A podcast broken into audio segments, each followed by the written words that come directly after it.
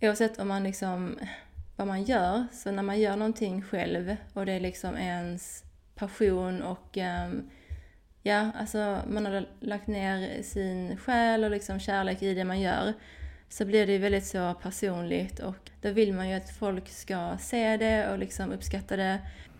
Det är ju super, super eh, klyschigt men det är bara att tro på sig själv och vara super envis. Envis som en åsna och bara fortsätta.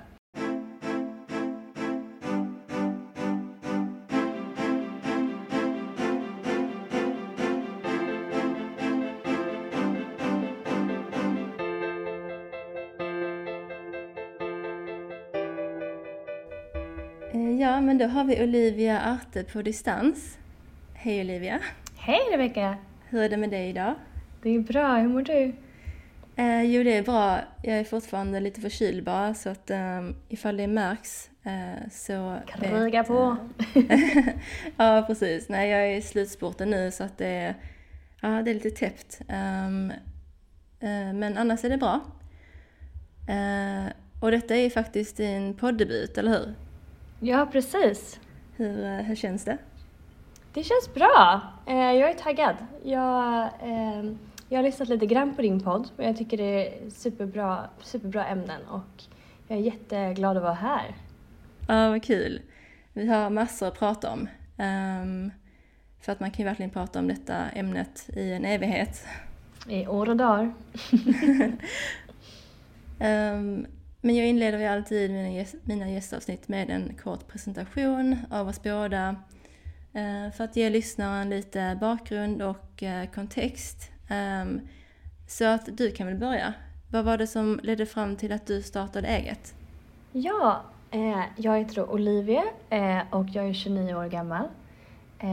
och jag höll på med konst jättemycket när jag var liten. Eh, men sen så fick jag en kamera av mina föräldrar när jag var 14 år. Och då blev jag helt besatt av fotografi och har fotat och filmat sedan dess. Ehm, och eh, jag startade eget eh, nu för fem år sedan. Men har också haft ett bolag innan, ja, tio år sedan med min pappa där han hade en filmdel och jag hade en fotodel. Mm. Men nu för fem år sedan är jag då helt egen, egenföretagare. Men gud vad häftigt. Eh, jag har kollat lite på ditt portfolio och så. Jag tycker verkligen att det är, ja, men det är lite annorlunda och uh, unikt för att liksom det är väldigt, um, det är en väldigt nischad uh, gren i fotografi. Ja, det kanske det är. Jag, eh, jag tänker att jag är väldigt bred. Eh, men, men det kanske är för att jag hänger med folk som är ännu mer nischade än jag. Ah. ja, så kan det vara. Eh, så att jag tycker ju att jag, jag, jag gillar ju helst att plåta mode då såklart. Mm. Eh, och beauty. Eh, men jag gör också liksom reklamjobb och liksom lite filmjobb och sådana saker. Eh, och jag tror att eh, jag är säkert väldigt nischad även fast jag inte förstår det själv säkert. Eh, för jag gör ju bara det jag, jag själv tycker är, är snyggt. Liksom. Och, eh, många säger att jag har ett, ett speciellt sätt att jobba med färger mm. eh, som jag inte alls visste om att jag hade. Eh, för jag, jag hänger med, med fotografer som är mycket mer nischade än jag tror jag.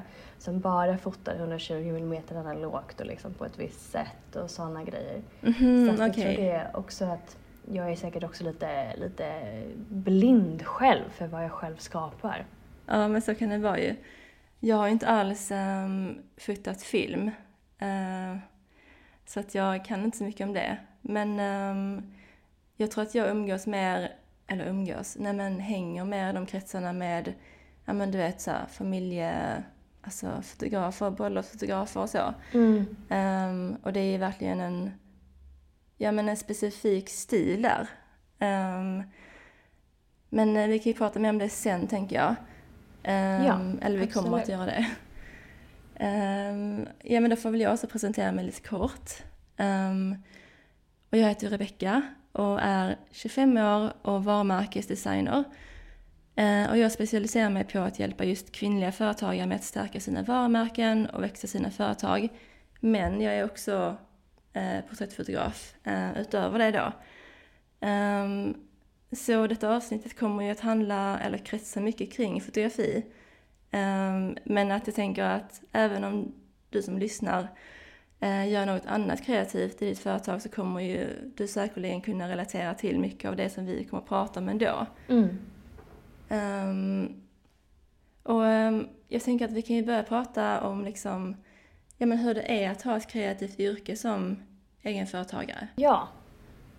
Uh, för jag tänker att liksom, alltså det är vanligt att um, om man är en kreativ person och är riktigt bra på det man gör och så, att man förr eller senare liksom vill göra om det till ett jobb istället för en hobby och försöka leva på det. Um, det är nog i alla fall liksom de flestas uh, dröm. Mm.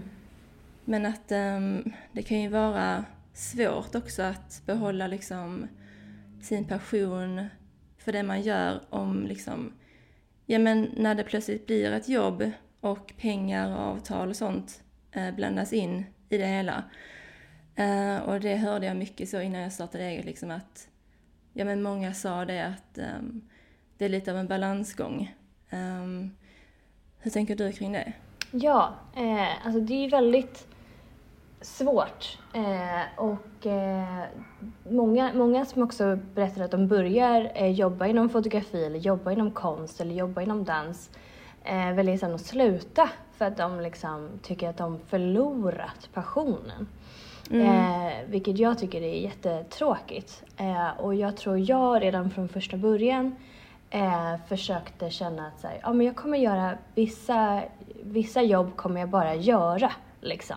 Det kommer inte vara något superkreativt eller någonting som jag alltid blir supernöjd med heller.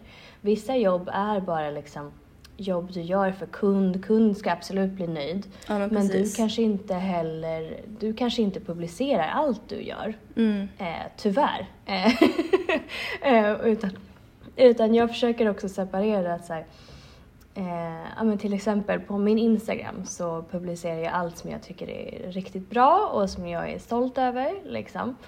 Eh, och som jag tycker ser fint ut i flödet. Men till exempel på min hemsida så publicerar jag eh, mer så här, kanske mer corporate grejer, mer kanske så här affärsporträtt och liksom sådana saker. Eh, sånt som gör att jag överlever och så att jag kan betala hyran. Men kanske inte det mest kreativa, drivande liksom, mm. eh, projekten alltid. Ja, nej men precis. Alltså, jag tänker också att speciellt i början att då blir det mycket sådana typer av uppdrag. Eller att man kanske till och med jobbar gratis. Mm.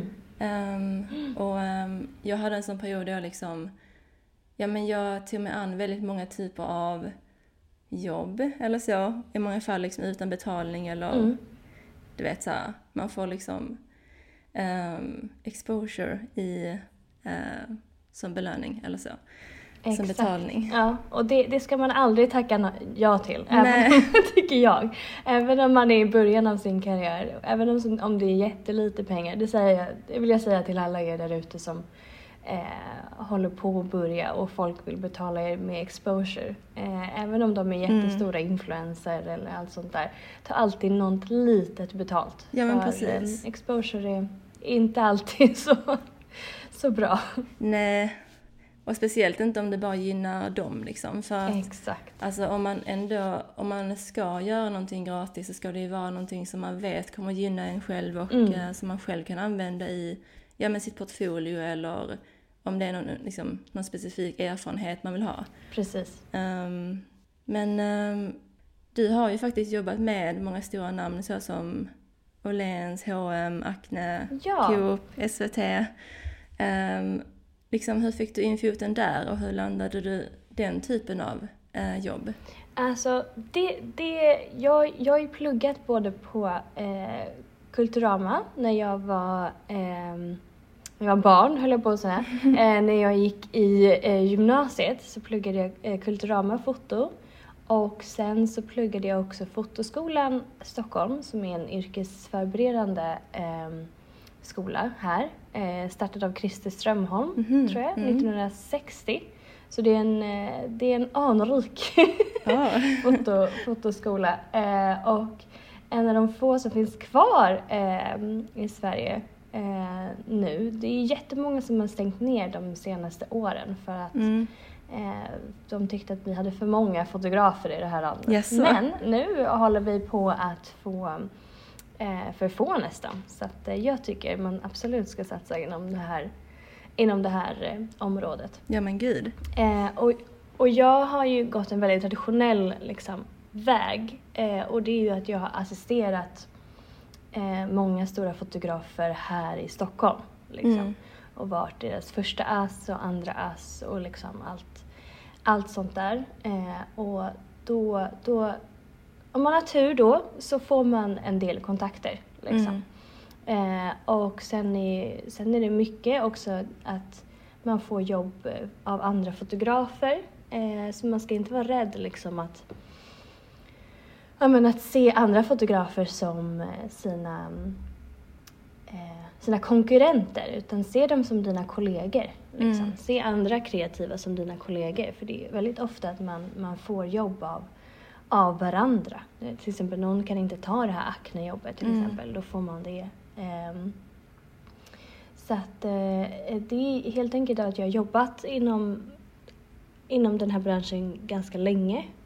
Liksom. Mm. Eh, och, och det nätverket jag, jag har skapat mig här eh, i Stockholm som har gjort att jag har ändå ganska, ganska prestigefulla eh, kli- klienter. Sen är det också mycket av- det som står eh, på min hemsida kanske alltid, inte alltid kampanj till exempel. Det vill man ju fortfarande alltid göra, typ göra kampanj för Åhléns. Utan det är mer typ att jag kanske upplåter produktbilder och sådana grejer Mm.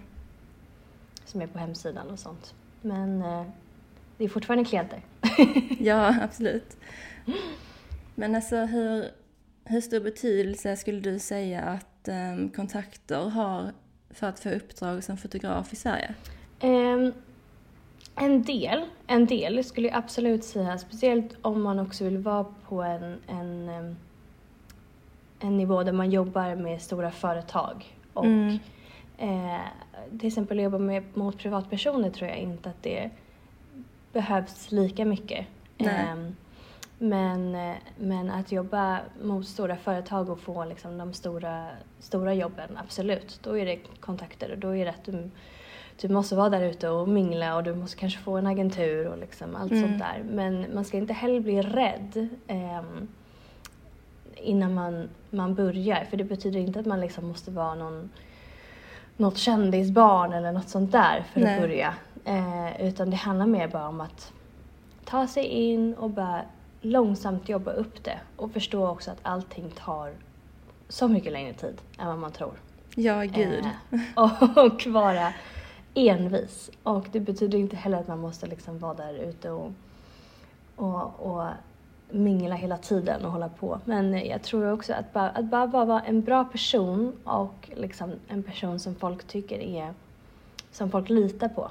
Mm. Eh, det är typ den största grejen. Och bara vara envis och, att det, och inse att det tar tid. Och knyta kontakter så, liksom. Långsamt och stadigt. Det är det jag tror på. Ja.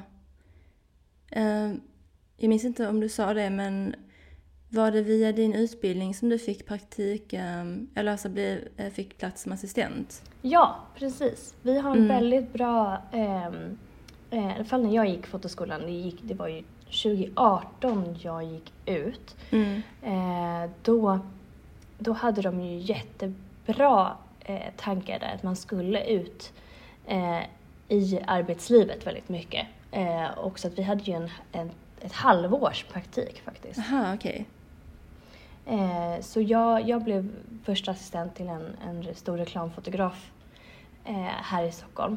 Eh, och sen efter eh, min praktik där så tyckte han om mig så mycket så då blev jag anställd liksom, Ah. som hans assistent och jobbade som assistent heltid i två år. Men gud vad häftigt. Mm. Hur... ehm, Och, och det ska man veta också, det är inget man tjänar pengar på direkt, eh, att vara assistent. Men det, men det är väldigt lärorikt. men du fick eh, lön då alltså? Eh, ja, man får, man, får en liten, man får en liten lön man fakturerar. Mm. eh, och sen så kan man, kan man få, eh, det beror på vad man har för deal såklart, med, Mm. eh, med eh, sin fotograf. Men eh, man måste också, i början i alla fall, eh, när man går, går in i den här branschen, att förstå att man kommer inte tjäna så mycket pengar i den här branschen. Nej. Nej, alltså det, ja, nej det håller jag med om. Um, men alltså hur tror du man får, om man inte går en fotoutbildning, mm. uh, tror du man ändå kan få plats som assistent, alltså um, utan kontakter och så då, eller hur liksom kan man ansöka om det? Det tror jag absolut, det tror jag absolut. Um, det beror såklart på vad det är för fotograf också. Um, många som jag sökte in till exempel då 2018, de, eh, de tog, tog inte in praktikanter eller, eller folk på folk på praktik. Liksom. Så att um, många, många liksom tycker att det är slöseri med tid och mm. eh, vill inte. Eh, men många är jätteglada för att få någon. Eh, mm. Men då måste man också som, eh, när man är på praktik också, eh, måste man också vara beredd att göra väldigt mycket uh. Olika saker. jag har sett många som har varit på eh, praktik som var inte så jättebra alltid och ville, ville bara göra de fina sakerna. Yeah. Och det, det tror jag är fel attityd eh, att ha om man, går, om man går på praktik hos någon. Liksom, du får skugga den och liksom mm. sådana grejer men du, du får också släpa teknik och, och du måste vara, vara, vara med på att kavla upp armarna liksom. Mm. Eh, och, eh, och verkligen ta tag och göra, göra mycket av skitjobbet. Mycket olika, ja skitjobbet men, men också allt som fotografen också måste göra. Liksom, ja, du måste vara, en, du måste vara en avlastning, inte liksom en last. Mm.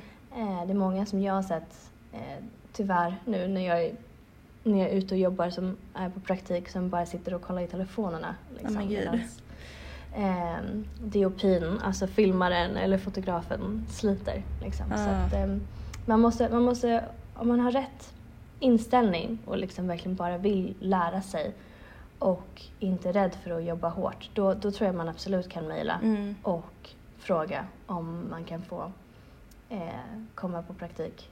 Det tror jag är superuppskattat. Mm. Eh, man kanske får många nej, men sen kanske får ett ja. Och ja, precis. då är det toppen. Och du sa lite innan eh, när vi pratade inför den här inspelningen att du har haft en del mentorer och så också. Um, vill du prata lite om det också? Ja, eh, det tyckte jag var lite spännande när vi, när vi pratade, för det kom jag bara på eh, när vi pratade i uh. telefon Rebecka eh, innan. Och det är att, för du frågade mig liksom hur, jag, hur jag kom in i den här branschen och eh, eh, hela grejen var ju också att efter gymnasiet så hade jag en paus på fyra år där jag inte plåtade en enda bild. Mm -hmm. eh, och det var ju för att när jag gick eh, i Kulturama till exempel, Kulturama gymnasium, så, så hade jag eh, fruktansvärda lärare eh, som var elaka mot hela klassen som sa att vi inte ja, skulle ta ja. mm. som sa att vi inte skulle ta oss någonstans och att vi var, att vi var så kassa. Oh, och ehm, eh, framförallt så fick jag ofta höra att liksom, min stil inte var bra och eh, allt jag gjorde var väldigt fel. Liksom.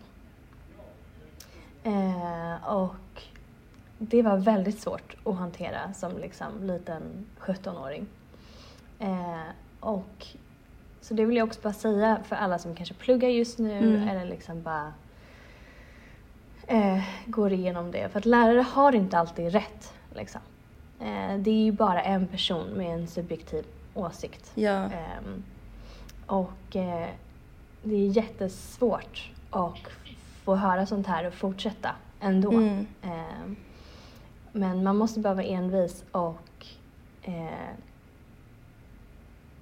kommer inse att det finns en publik som kommer gilla det du gör.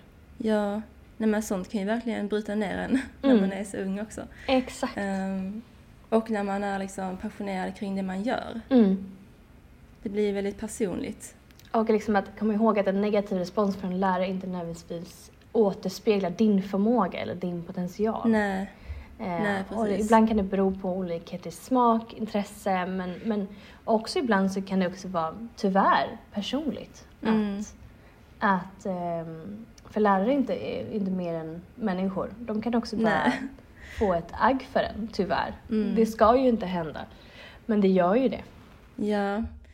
Nej, jag, ehm, jag är ju självlärd eh, fotograf men ehm, jag gick eh, media i gymnasiet Mm. ehm, och då var det lite så här foto i början och sen så um, efteråt hade jag några år där jag bara liksom, ja, ehm, gjorde lite vad jag ville. Ehm, och då hoppade jag faktiskt på en utbildning, en fotoutbildning på Malmö universitet. Ja, vad kul. Ehm, men jag hoppade av den typ direkt för att så här, liksom, då kunde jag redan en del. Ehm, och jag minns att första lektionen vi hade ehm, var men så här, genomgång i Lightroom. Mm. Ehm, och då var det liksom så här, läraren stod och bara typ så här, hade en powerpoint-presentation och bara så här, ja om ni drar den här, liksom, det här reglaget till höger så blir det ljusare. Ja, Om okej. ni drar det reglaget till vänster.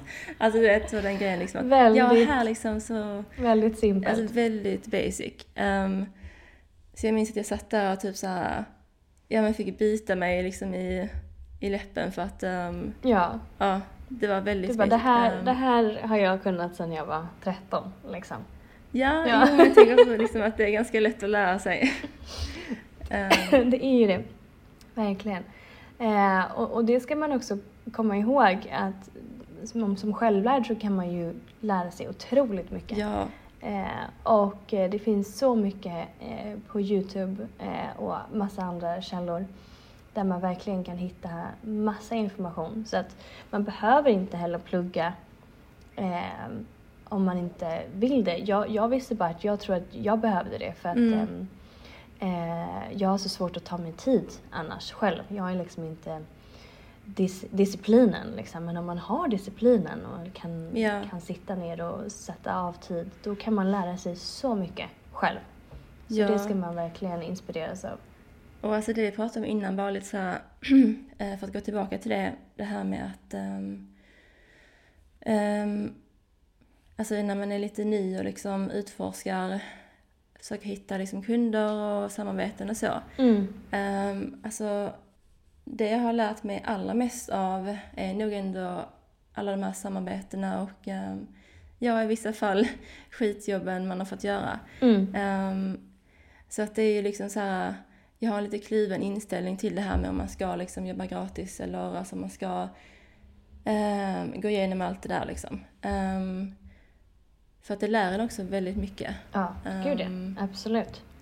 Men ehm, jag tänker att alltså, nu när vi ändå är inne på det här liksom med att um, Ja, lite att vi kom in på det med att hitta sin stil och liksom att eh, Eller jag tänker att vi kan, vi kan komma in på det nu eh, Mm. för att det var liksom nästa grej ändå. Ehm, och ehm, det var också en grej som vi pratade om lite inför det här, den här inspelningen om Ja, du nämnde liksom att det här vad som är snyggt, alltså rent visuellt, är ju liksom subjektivt egentligen. Och um, det är ju liksom kruxet med att vara kreatör. Att, um, ja, alltså det är ju subjektivt och eh, jag tänker att vi kan ju prata om då, alltså hur man, ja, alltså i i det här fallet fotograf, um, om man är fotograf, ja men hur man då förhåller sig till det och ja, alltså för att man kommer ju få kritik och liksom det är lite, lite av en balansgång mellan att hålla sig till sin egen stil eller ja, en unik stil och samtidigt ta till sig av andras kritik. För att, Mm. som du sa, att bara för att man är liksom erfaren och, ehm, eh, och så, så betyder inte det att de har alltså, rätt ehm, i vad som är snyggt. Nej men precis. Och det är viktigt att kunna särskilja subjektiva åsikter från, från konstruktiv feedback. Mm, För att, eh, för att få feedback är också, är också jätte, jättebra. Eh, verkligen. Men eh, eh, jag tror också det är skillnad också på hur man är som person. Jag är ju väldigt känslig liksom. Och eh, eh, tar kritik väldigt, väldigt hårt. Mm. Eh, eh, och andra är nog kunde mer kanske, ja men till exempel, tar ett exempel när vi hade de här dåliga lärarna i, i gymnasiet. Vissa kunde mer skaka av sig det där mm. eh, och liksom bara, men de, han är just den här läraren, han är trött och tråkig och liksom hatar sitt liv. Uh. Medan jag, jag, jag tog det superpersonligt ja. ändå. Liksom. Uh, så att det där är, det där är super, super svårt. Men jag tror bara att det handlar också bara om att, att fortsätta. Liksom. Du kommer inte ta ditt, ditt dröm... Du kommer inte ha din drömphotoshoot liksom, din andra gången du plåtar. Liksom. Nej. Det kommer inte hända. Det kommer inte hända liksom första, första året du håller på med, med foto eller konst eller design. Utan det kommer hända liksom kanske fem år in eller tio år in. Mm. Eh, till du verkligen är supernöjd med någonting. Eh, och, och det är liksom helt fine. Mm. Eh, man kan göra någonting nu som man bara, men gud vad, vad fint det här är. Men liksom, om du bara fortsätter så kommer du bara bygga på det här och göra ännu, ännu bättre. Eh, och eh, det är ju super, super eh, klyschigt men det är bara att tro på sig själv och vara superenvis. Ja. Envis som en åsna och bara fortsätta. Eh, och jag tror man föds med en, en, en viss bit av talang men för det mesta eh, är det bara envishet mm. och liksom att ehm, att kämpa på. Uh, Tråkigt nog. Och mycket övning. Eh, ja, gud ja. Gud ja. Och sen så, sen så är, är mitt tips också till alla som, som håller på att börja Även om du kanske inte är nöjd med någonting, kanske en photoshoot eller vad som helst. Eh, släpp det ändå. Publicera det ändå, mm. även fast du inte är helt nöjd. Eh, för typ en publik också kan, kan, eh, kan älska saker som man, man, själv inte är helt nöjd med till exempel. Liksom. Och eh, eh folk ser då att du gör saker, att du skapar. Och sen om du, om du efter ett år bara, nej men nu tar jag bort de här, gör det då. Liksom. Ja. Till exempel på ett Instagram-feed eller något, något sånt här. Men bara att visa att man gör saker och att man skapar. Och att bara släppa saker är så bra för eh, ens kreativa rullians. Liksom. Mm. Att man liksom gör projekt, släpper projekt. Eh, för man kan ju sitta, det vet ju du Rebecca, man kan ju sitta med bilder och filmer och allt sånt där i, och design också som du gör i, i tusen ja, år. Gud. Liksom. Och eh, man kan ju pyssla hur mycket som helst och sitta och, och vara supernitisk liksom. Um, och ibland så är det jätte, jättebra och det lyfter verkligen designen eller bilden eller allt sånt där. Men ibland kan, man också, kan jag också tycka att jag till exempel sitter och redigerar sönder en bild. Ja. Liksom, så att jag måste backa. Och då är det bättre att bara, nej, jag släpp det. ja. Alltså, nej men för att det här med att hitta sin stil, mm. uh, alltså någonting jag ser väldigt ofta. Um, eller jag alltså nästan till typ varje dag helt ärligt, är i så här fotogrupper och så på Facebook. Um, ja, men så är nog det vanligaste att alltså, ny, nyare fotografer um, lägger upp en bild eller så ett foto ja. och liksom frågar ja men så här, hur, alltså, hur kan jag förbättra det här eller liksom hur kan mm. jag typ um, de kanske lägger upp en referensbild så hur kan jag liksom få till den här stilen eller hur um, eller typ så också den frågan liksom hur hittar man sin stil och sånt. Mm. Um, jag också väldigt ofta. Och alltså, uh, alltså det är också lite så att inom olika specifika nischer, uh, inom då foto men även alltså andra kreativa nischer, så finns det alltid en viss typ av stil som anses vara liksom snygg. Um, precis, eller den som trendar. Ja men nu. precis. Eller som kanske är så här liksom standard eh, mm. utgångspunkt. Och alltså när branschen är så liten som den är eh, i Sverige, eh, eller det är min, upple min upplevelse liksom att den är mm. väldigt liten. Um, Absolut. så känns det också som att många liksom hem, alltså, vad ska man säga, alltså härmar andra. Um, Precis. Ja, de, de försöker inte hitta sin egen grej utan de kör på safea, safea kort liksom. Ja, men en viss Lightroom-inställning och ett visst Ja, slags ljus. Och, mm. För det här med liksom färdiga presets då, alltså för inställningar liksom man kan köpa. Um, ja men typ som ett filter kan man ju säga. Mm. Um, alltså det är väldigt många som köper ett filter som liksom ja men ser snyggt ut och så vill man ha den stilen och så lägger man på det på alla sina foton. Mm. Um, alltså det är ju typ det värsta någonsin att göra. Um, alltså det kan vara jättebra för att öva. Alltså så Mm. när man ser, då ser man liksom hur, ja men vilka inställningar som ger vilket utseende så. Det är jättebra ju. Men att så för att hitta sin stil, alltså sin unika stil, skulle jag nog ändå säga att um, det som har gett mig mest är liksom att sitta och redigera foton, olika typer av foton med olika typer av liksom ljusförhållanden och så. I, alltså från grunden. Mm. Och liksom så att... Um, ja, för att jag har också experimenterat med presets och så innan. Men att jag kände att, ja uppenbarligen så är det alltid så att det passar inte på alla foton. Nej, Så man får ändå sitta och liksom tweaka och liksom, ja, anpassa det. Um, gud ja. Gud ja. Och ett tips för alla som liksom håller på och börjar, det är liksom att göra allting från början. Ta inga, ta inga genvägar när du Mm. håller på och lär dig. När du lär dig, då måste du liksom förstå hur, hur allting fungerar, hur allting sitter ihop och liksom.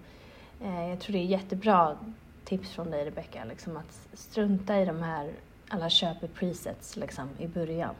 Och eh, bara förstå hur alla program eh, hänger ihop. Du kan liksom hitta den där, den där känslan och den där stilen också själv. Liksom. Du behöver inte spendera pengar på, på, på allting för att, det är redan en väldigt dyr eh, grej vi håller på med, med alla, Ja.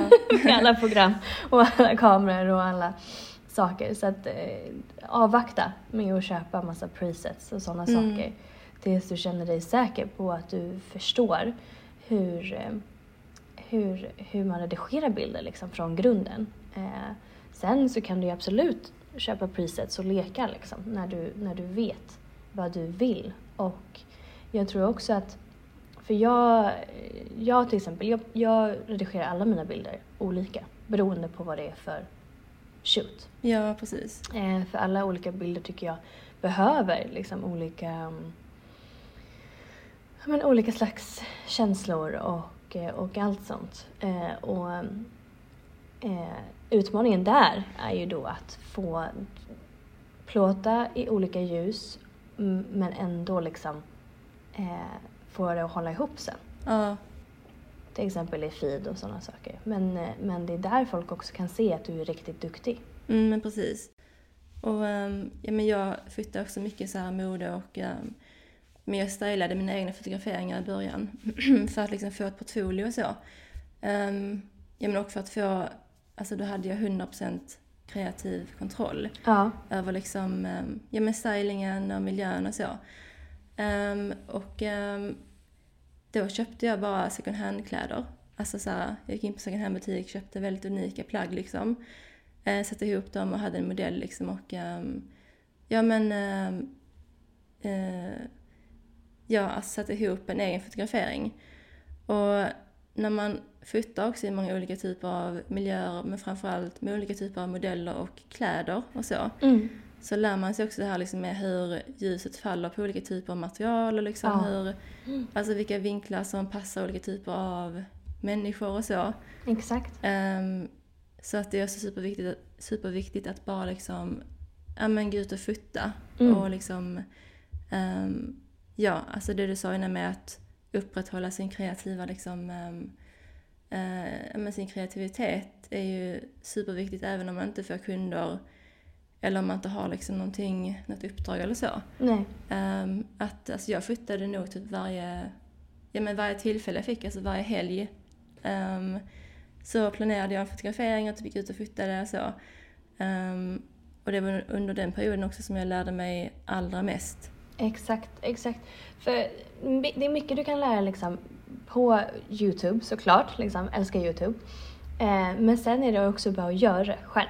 Och det är jättebra liksom, som du säger, att liksom ha ett moodboard, ha liksom eh, olika kläder som man vill porträttera och liksom kanske ha en så här, ja men jag skulle vilja ha ungefär, kanske ha någon vision. Sitt på Pinterest, hitta liksom inspirationsbilder Mm. och bara, och jag skulle vilja göra någonting ungefär, ungefär sånt här. Sätt ihop ett team, liksom. Modell, stylist, eller om du stylar själv liksom. Eh, det är jättekul, speciellt när man är ung och, och ny och liksom också teama upp med kanske makeupartister som också vill eh, lösa alltså komma in i branschen och stylister. Eh, det är superroligt, det rekommenderar jag alla liksom att, eh, att göra. Ja, verkligen. Eh, för man kan, man, jag har ju också stylat en, en del själv. eh, men det är alltid så mycket bättre, tycker jag, att ha någon som bara tänker på kläder. Mm. Eh, för jag kan verkligen också gå in i det för eh, alltså glömma bort kläderna när jag plåtar. Liksom. Och då bara står jag och tänker på ljus och, och så ser jag liksom inte att det är Mm. helt väckigt och konstigt. Och en stylist står ju där och bara ser det. Liksom. Och det Ja. blir så mycket bättre att, att det är folk som fokuserar på, på de olika sakerna som bygger upp liksom, Mm. en plåtning. Ehm, och eh, att knyta de här kon- kontaktnäten också. Till exempel, jag är en makeupartist som jag jobbade med eh, 2016. Liksom. Vi jobbar fortfarande ihop. Liksom. Det är Mhm. superkul. Ehm, och vi är liksom en av de få som liksom kört på. Liksom. För jag har ju haft jättemånga fotovänner från, från den tiden som har slutat. Hon hade jättemycket makeup-personer som makeupartister som slutade. Ja. Eh, så allt sånt där, liksom, även om du bara tänker att du är i början av din, av din karriär eller liksom ditt, ditt skapande så är allt sånt där jättebra. Liksom. Mm. Eh, både att få fotografkollegor men också liksom knyta ett kontaktverk.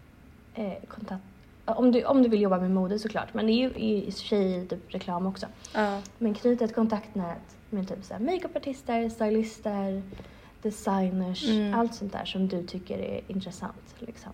Eh, och som sagt, som du sa, ut och plåta, ut och fota. Det är där man lär sig som mest liksom. ja, verkligen. Och jag tänker att vi kan hoppa in i eh, nästa ämne då som Ja. ehm, ja, men jag tycker är, ja, men kommer att bli intressant att prata om. Um, det nuddar vi lite grann på när vi pratade innan eh, det här. Ehm, och det är det här liksom med att jobba med privatpersoner versus då företag och företagare. Ja. Ehm, för att det är väldigt olika, alltså det är väldigt två olika saker som kräver ja, olika saker av en som fotograf. Och vi, både du och jag har ju gjort både och. Mm. Ehm, så jag tänker att vi kan ju prata lite kort om våra erfarenheter av eh, respektive. Eh, för det finns ju mycket att säga om detta. Eh, och jag tänker att det är också kanske ett sånt beslut man måste ta också om man liksom vill jobba med Mm. ja, i det här fallet fotografi. Men även alltså som designer eller något annat kreativt. Ja. Om man ska vända sig emot eller rikta sig till privatpersoner eller företagare. Man kan ju givetvis göra båda men att liksom, ja som sagt det är väldigt två olika typer av ehm, sätt att jobba på. Ehm, Precis. Eh, och och jag, jag har ju i princip nu, 2023, slutat jobba helt med privatpersoner. Ja. Jag jobbar endast med, med företag. Eh, så jag är lite partisk i det här. Eh, men det är, det är väldigt svårt eh, när man är i början av sin karriär att inte jobba alls eh, med privatpersoner. Jag förstår det. Mm. Men mitt tips där är liksom att ha mycket kontrakt Ja, gud. Och mycket, mycket kommuni- kommunikation på, på vad de vill ha och vad de inte Mm. vill ha. Till exempel berättade jag ju någon skräckhistoria för dig, Ja. Rebecka. Eh, när jag hade plåtat ett eh, bröllop för ungefär fem år sedan. Eh, och då, då var det ju att jag har levererat ungefär eh, 150 bilder. Alla är redigerade och allting. Eh, de får, de får ehm, bilderna är supernöjda. Tackar jätte, jättemycket. Jag skickar min faktura också. Och sen två veckor efter så kommer de tillbaka och är jättemissnöjda. Ah. Eh, och då är det då att eh, bruden vill att jag ska oh, eh, photoshoppa om hennes näsa på alla 150 bilder. Ah, gud. Och det, då sa jag det, nej men ni har ju redan sagt nu att ni, att ni är nöjda. Mm. Eh, jag har inte tid nu. Jag, är, jag jobbar med annat nu. Eh, eller jag är i andra projekt nu. Jag kommer inte kunna sitta med det här förrän jättelänge och det kommer kosta det här. Mm. Eh, och det ville de absolut inte betala. Och sen blev det jidder om att de inte ville betala min första faktura. Ja, oh, men gud. Eh, heller. Mm. Så att det är, det är utmanande att jobba med privatpersoner. Eh, privatpersoner är oftast inte så bra på att betala, tycker jag. Nej, nej. Eh, och eh, det är massa andra eh, komplikationer. Så om du, om du jobb, börjar jobba med privatpersoner, även om du säger ja men det är kanske din mammas kompis, allt sånt där. Uh. Eh, se till att ni ändå skriver avtal. Ja, faktiskt. verkligen. Alltså, mm. ja, jag började ju med att rikta mig till just privatpersoner um, för alltså porträtt, um, par, foto, event och, och så vidare. Mm. Uh, vilket jag fortfarande delvis gör, um, eller jag erbjuder det. Men eftersom jag numera alltså primärt lägger fokus på varumärkesdesigndelen i mitt företag så riktar jag mig till och jobbar med primärt eh, företagare. Mm. Eh, så jag är lite samma där som du, att jag har gått över till det. Eh, och eh, min erfarenhet av alltså privatpersoner är ju som du sa då, jag menar att de generellt är rätt snåla ehm, och att de ofta um, ja, alltså går efter enbart priser och så eh, och budget när de väljer en fotograf. Um, eller då, alltså när de väljer en kreatör generellt, alltså att de är väldigt så fokuserade på eh, priset, pengarna. Um, och liksom mm, att de vill mm. samtidigt mm. ha så mycket som möjligt ut av det. Um, precis, precis. Och liksom att de är väldigt bestämda, vilket ju, alltså det här är inte liksom den bästa kombon. Um, så att liksom varje gång jag har jobbat med privatpersoner och ska, ska leverera foton eller så, så känner jag mig alltid jättenervös. Um, mm. Mm. Men just för du sa att de kom tillbaka till dig efter liksom ett bra tag. Mm. Och alltså när man tror att allting är lugnt och så liksom, man känner sig stolt över sitt arbete och sin prestation och sen så bara, ja men så kommer de och liksom så här begär saker. Yeah. Och det är alltid sjukt jobbigt att hantera liksom. Um, och det blir ofta väldigt personligt, eh, för de är inte kanske nöjda med sig själva och sådana ja, saker, vilket precis. också är super, super tråkigt. Att, att till exempel mitt exempel, att någon vill bli omphotoshoppad på 150 bilder, det är ju jättetråkigt. Oh. Alltså, att, oh. att den personen mår så dåligt över sitt utseende eller liksom utseendehetsen där. Det, det är tråkigt, eh, men, men också att det blir liksom att de ja, massa andra olika personliga grejer som jag varit ja. med om. Att de, de inte är nöjda, de tycker inte man har fotat dem tillräckligt bra och, och ja. eh, företag är mycket bättre på att eh, betala för en tjänst. Eh, de förstår mycket mer varför du måste till exempel lägga på moms. Eh, om det är något problem är de mycket bättre på att ta det eh, inte ta det personligt och eh, bättre feedback.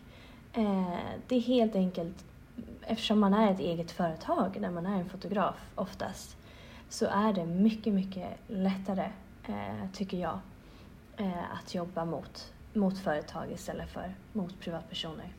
Ja, nej men jag håller med. Um, alltså jag känner också att eh, privatpersoner vet oftast inte riktigt vad de vill heller, eller vad de tycker.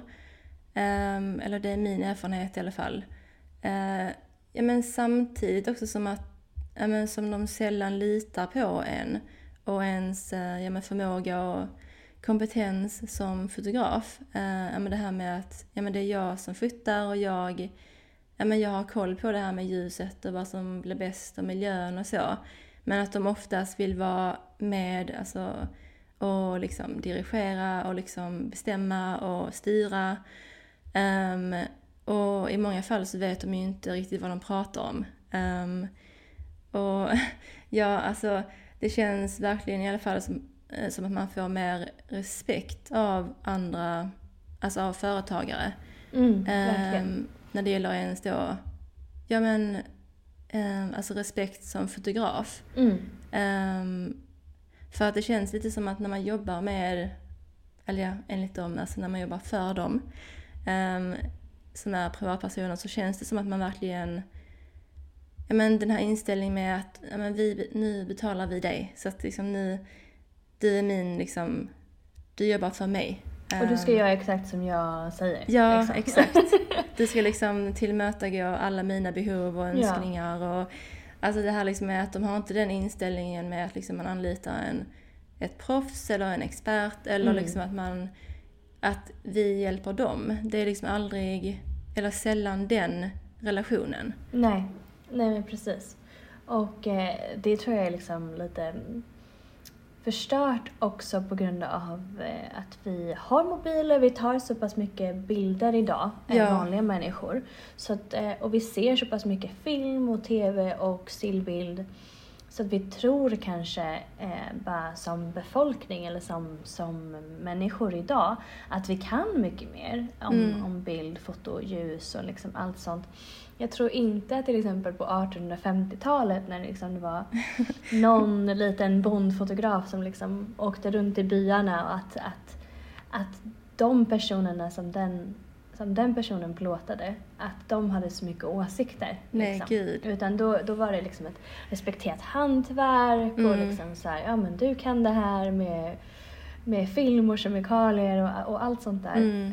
Um, och det är såklart, man ska som kund veta vad man vill ha liksom och eh, försöka kanske, mitt tips till privatpersoner som anlitar fotograf är liksom ha en tydlig vision, eh, försök kommunicera det så gott som möjligt men sen också lämna över, eh, ha tillit liksom. Ja. Det är då du kommer få de bästa, de bästa bilderna gjorda för dig liksom. Att det här nitpicking och liksom allt det där mm. eh, det kommer inte gynna dina bröllopsbilder, eh, kan jag Nej. säga. Eh. Nej men det är liksom det också att eh, deras, alltså det beteendet som du säger, det blir inte bra för någon. Alltså, speciellt inte om det blir en ansträngd relation mellan Nej. fotografen och um, kunden då.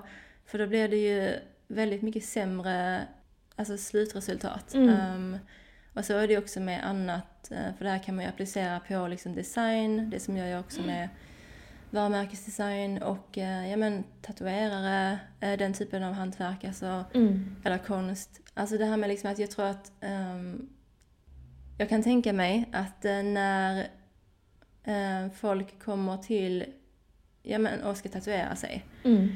um, så kan jag tänka mig att de upplever samma sak där, liksom att man kommer till dem och ber om kan du liksom så här, göra en exakt kopia av den här bilden på Google till mig? Ja, exakt. Eller liksom den här bilden på...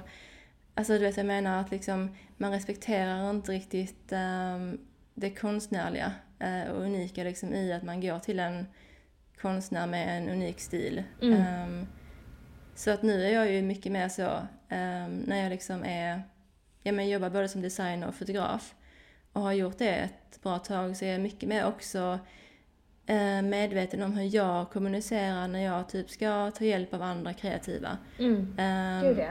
Ja men typ jag ska snart, eller jag funderar på att tatuera mig igen snart. Och um, då ska jag definitivt inte göra som jag gjorde sist. Um, för då var jag en sån jobbig um, kund. Och det är ju givetvis för att man inte förstår som privatperson, eller om man inte gör det så förstår man inte riktigt heller hur det funkar. Men att nu vet jag ju liksom att så här, ja men jag ska kolla upp um, tatuerarens uh, portfolio eller tidiga mm. arbeten, stilen, liksom gillar jag den så litar man ju ändå på att den kommer göra ett bra jobb oavsett vad det är för tatuering liksom. Eh, och så att liksom ändå låta den personen ha en viss kreativ kontroll.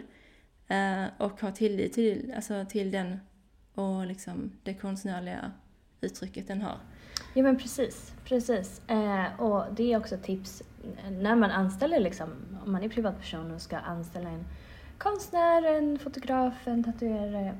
Kolla på vad de har gjort innan. Gillar du det, då kan du anställa dem. Mm. Men, om, men om du inte gillar det, det du ser, liksom, då, då får du leta efter någon annan tills du, du ja. hittar den som liknar din, din vision. Liksom. För det är väldigt svårt att, att, att komma till någon och Vissa kan såklart göra det, men det är väldigt svårt att komma till någon och eh, ber den göra totalt emot den stil till exempel. Ja. ja, det är inte heller riktigt uh, schysst heller. Nej. Um, och jag tänker också att så, ja men det jag sa innan med att min upplevelse av uh, just privatpersoner är ofta att de går mycket på det här med pris och ja men deras budget och liksom så vad, att de jämför liksom olika fotografers um, prislista och så. Att de tänker inte utifrån det här liksom med att vad vill vi ha och liksom så här, är vi villiga att betala mer för att liksom få vår Kvalitet vision. liksom. liksom. Mm. Ja, precis. Att liksom, um, för att det är också så att man kan inte ha kakan och äta den. Liksom vill man, ja, men vill man ha, det, ha det jättebilligt och samtidigt så har man en jättetydlig och bestämd vision um, så kan man ju inte förvänta sig att det blir så. Um, så att, ja. Och bra, bra kvalitetssaker kostar. Det är bara så det är. Eh, och eh, om, de, de söker ju fortfarande dig. Liksom. De söker ju fortfarande en fotograf, så de vill ju ha det, ha det bra. Men det är som att de inte vill betala för det. Så det är väldigt, ja. väldigt konstigt där. Nej men precis. Och alltså, jag kommer tänka på det också när vi liksom är inne på det här med kunder och så. Alltså en annan vanlig grej jag ser superofta i just alltså fotografi, alltså fotografforum, grupper. Um, är det här liksom med att um, ja, men folk, fotografer frågar öppet så här liksom vad ska jag ta för priser? Alltså så här, mm. hur, hur mycket ska jag ta betalt för detta? Är det här rimligt? Alltså så hur mycket? Och alltså jag har ju, jag, jag gjorde ett avsnitt om prissättning nyligen. Ja, precis. Men att just det tyckte jag var jättebra. Ja, tack. Men just det här med fotografi, alltså är ju väldigt, för då pratade jag lite mer generellt, men liksom just det här med att prissätta sig som fotograf. Alltså att jag tycker det är så konstigt. Oj, vad var det? Ursäkta, det var någon som lämnade sin cykel här i förrådet mitt emot. Hoppas det inte lät för mycket. Uh, nej men jag tycker det är så konstigt att um, alltså när folk frågar den frågan um, utan någon kontext. Mm. Eller liksom, alltså, för jag menar liksom, ofta är det ju frågor liksom utan jättemycket liksom information. Så att man kanske lägger upp ett inlägg så.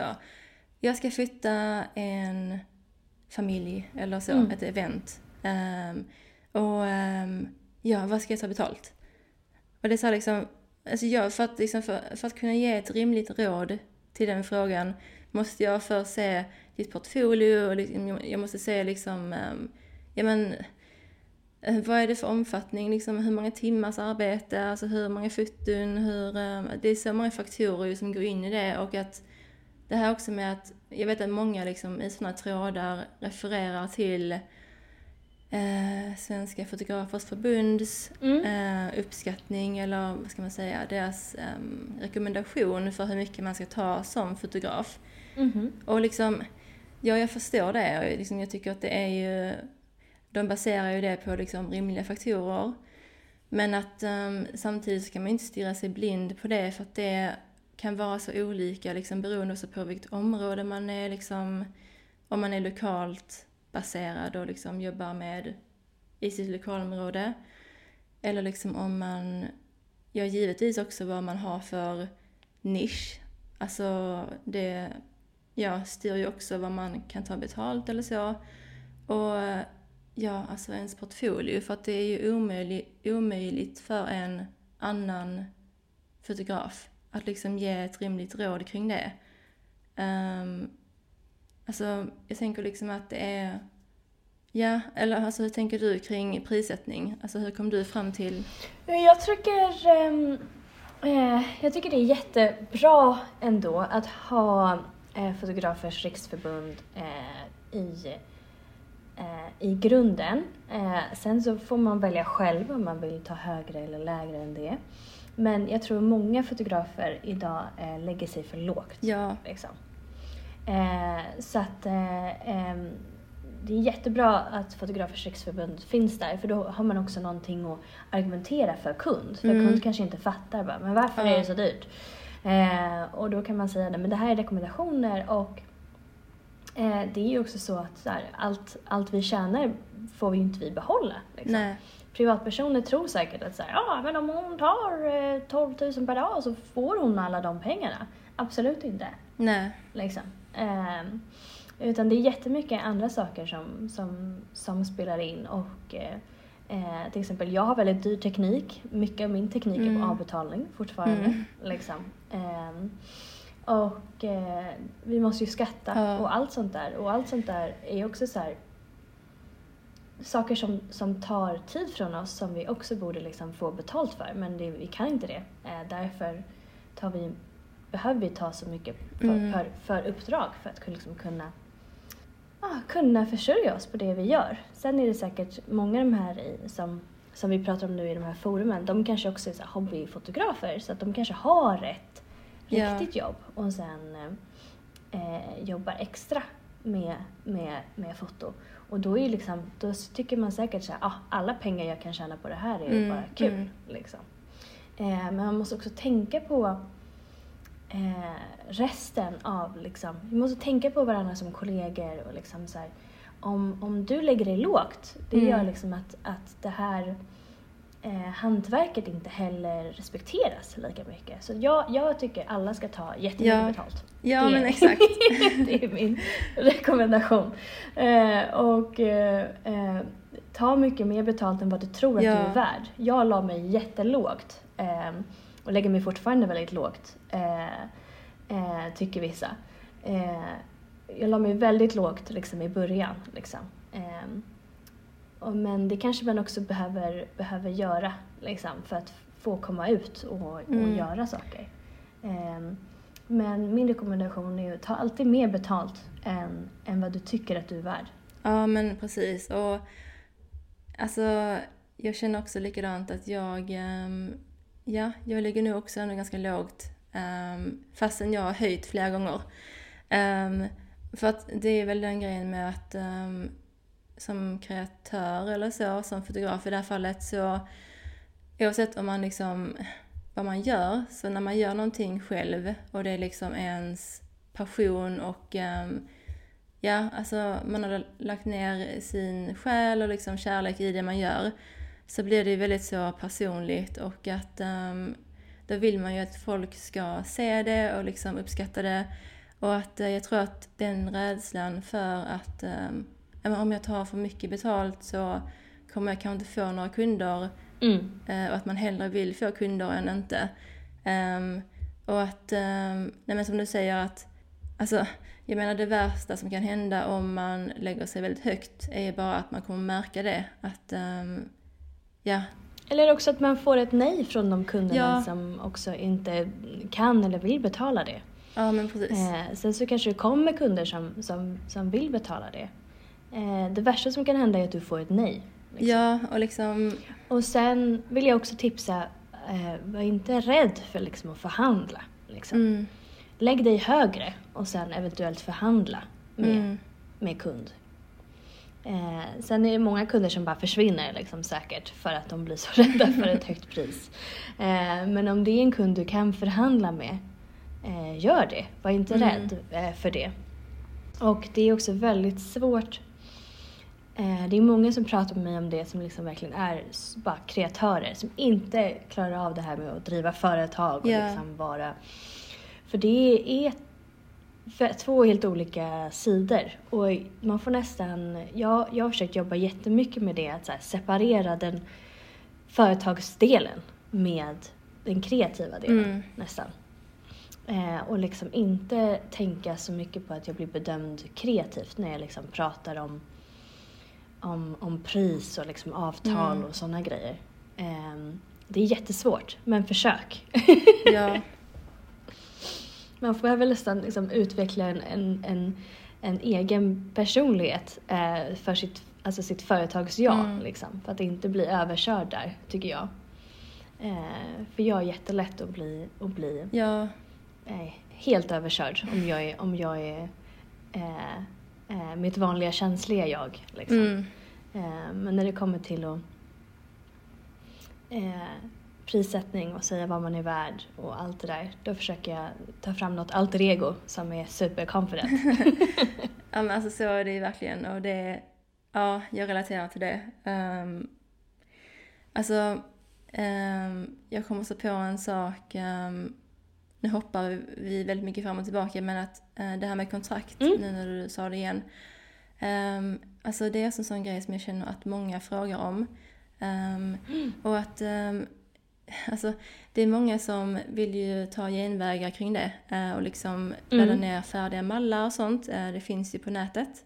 Eh, och jag, ja, jag gjorde ju det i början och sen så insåg jag ju att, men gud, det här, alltså, för att, alltså, har du gjort det?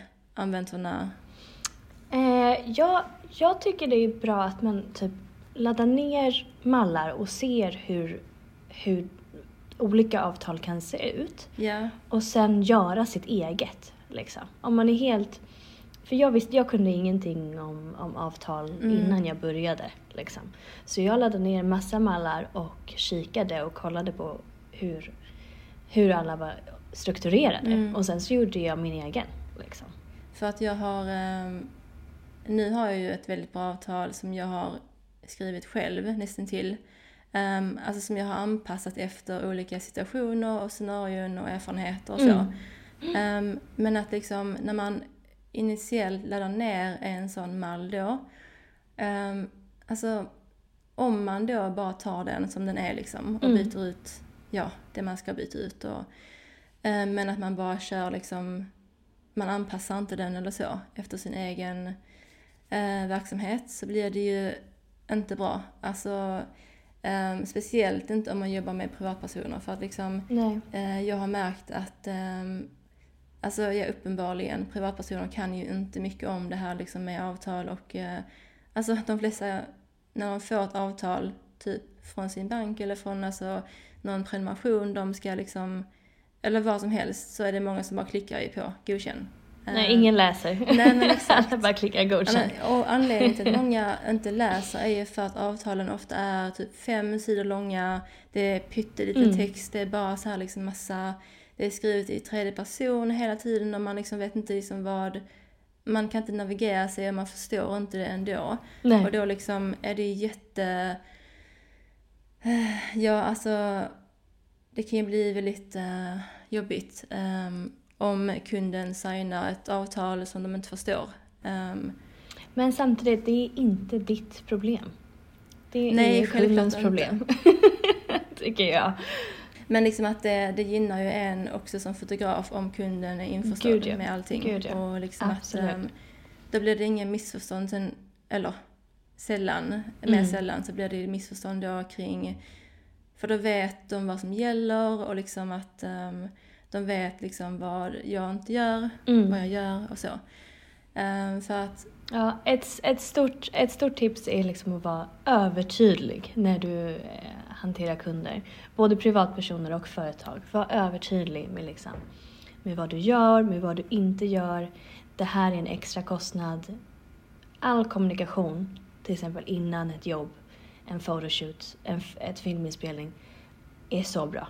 Du kan inte vara... Alltså, att vara övertydlig är så bra. mm, ja men verkligen. Ehm, Men det krävs också mycket jobb och mycket erfarenhet för att kunna vara övertydlig. jo men det gör det. Så det är någonting som kommer också komma eh, under loppet av din karriär, tror jag. Liksom. Alltså, nu som lyssnare. Jag vet att du kan, Rebecca. Ja. Men, men eh, så det, det kommer också komma. Men om det du kan vara liksom tydlig med att spesa eh, redan nu när du börjar liksom, kanske ta, ta kunder som design eller liksom, eh, konstnär, allt sånt. Eh, spesa det. Mm, men verkligen. Ehm, Sen tänkte jag prata också, för, för du är ju bra på det här med, med varu, varumärkesbyggande. Mm. Det är så bra om du har tid med det ehm, som ny fotograf, ny designer. Eh, gör om alla typ offerter så att den blir liksom personlig, att den blir din.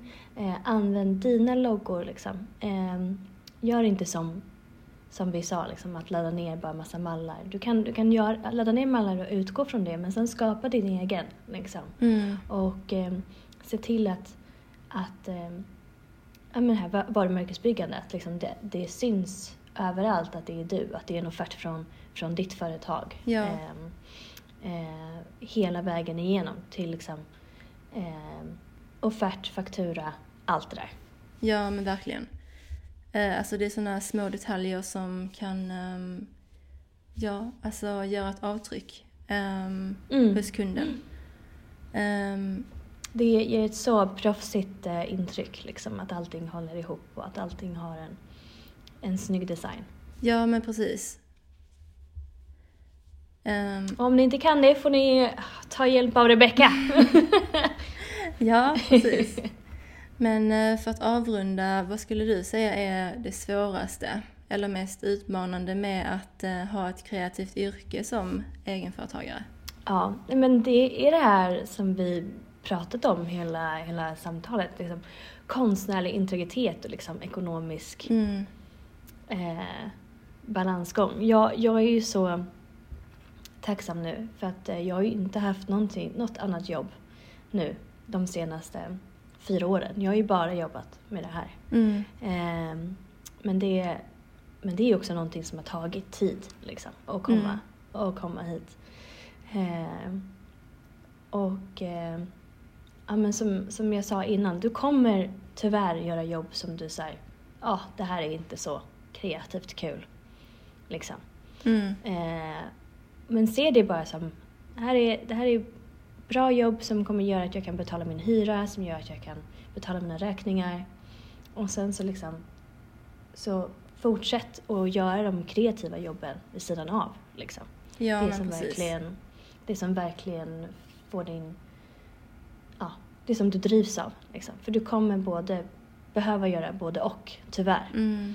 Eh, tills du kanske Sen kanske du är jättenischad och superframgångsrik så kanske du bara kan göra jobb som du tycker är otroliga liksom och, och eh, allt sånt. Men, eh, men det tar tid att komma dit. Ja. Så i alla fall i början så behöver du verkligen bara eh, förstå att vissa jobb gör jag bara för att kunna betala hyran.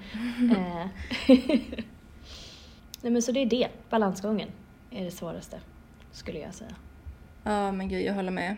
Um och eh, för mig så är det nog det här liksom med att, eh, utöver det du sa, eh, så tycker jag att det är det här med att få folk att förstå um, alltså värdet av konst. Mm. Um, alltså att um, det är väldigt svårt att få fram det ibland. Eller så. Mm för oss är det ju självklart och liksom vi är väldigt nära det vi gör. Liksom, ja, men som jag sa innan, vi lägger ner mycket energi och tid och mm. hjärta och kärlek i vårt arbete.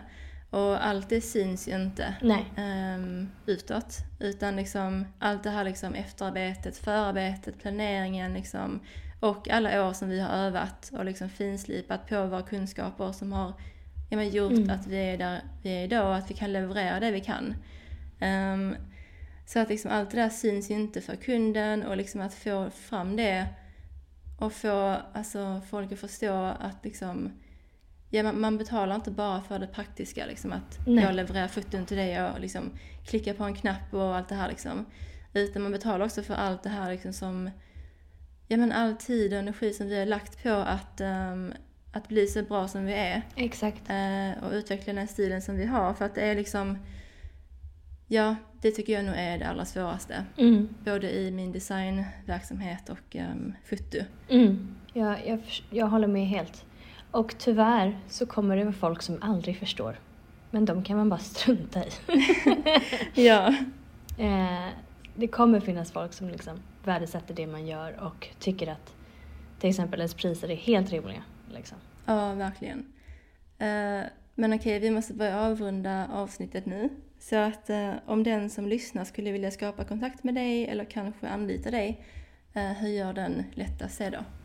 Ja, eh, jag har en hemsida som heter www.oliviaarte.com och sen så finns jag också på Instagram om man vill se vad jag gör, eh, följa mig lite sådär. Mm. då är det också oliviaarte.jpeg. Yes, jag kommer länka allting som vanligt i beskrivningen, eh, både mina och Olivias eh, kontaktuppgifter. Um, så kolla där om du skulle vilja veta mer om vad vi gör och se ja, mer av oss.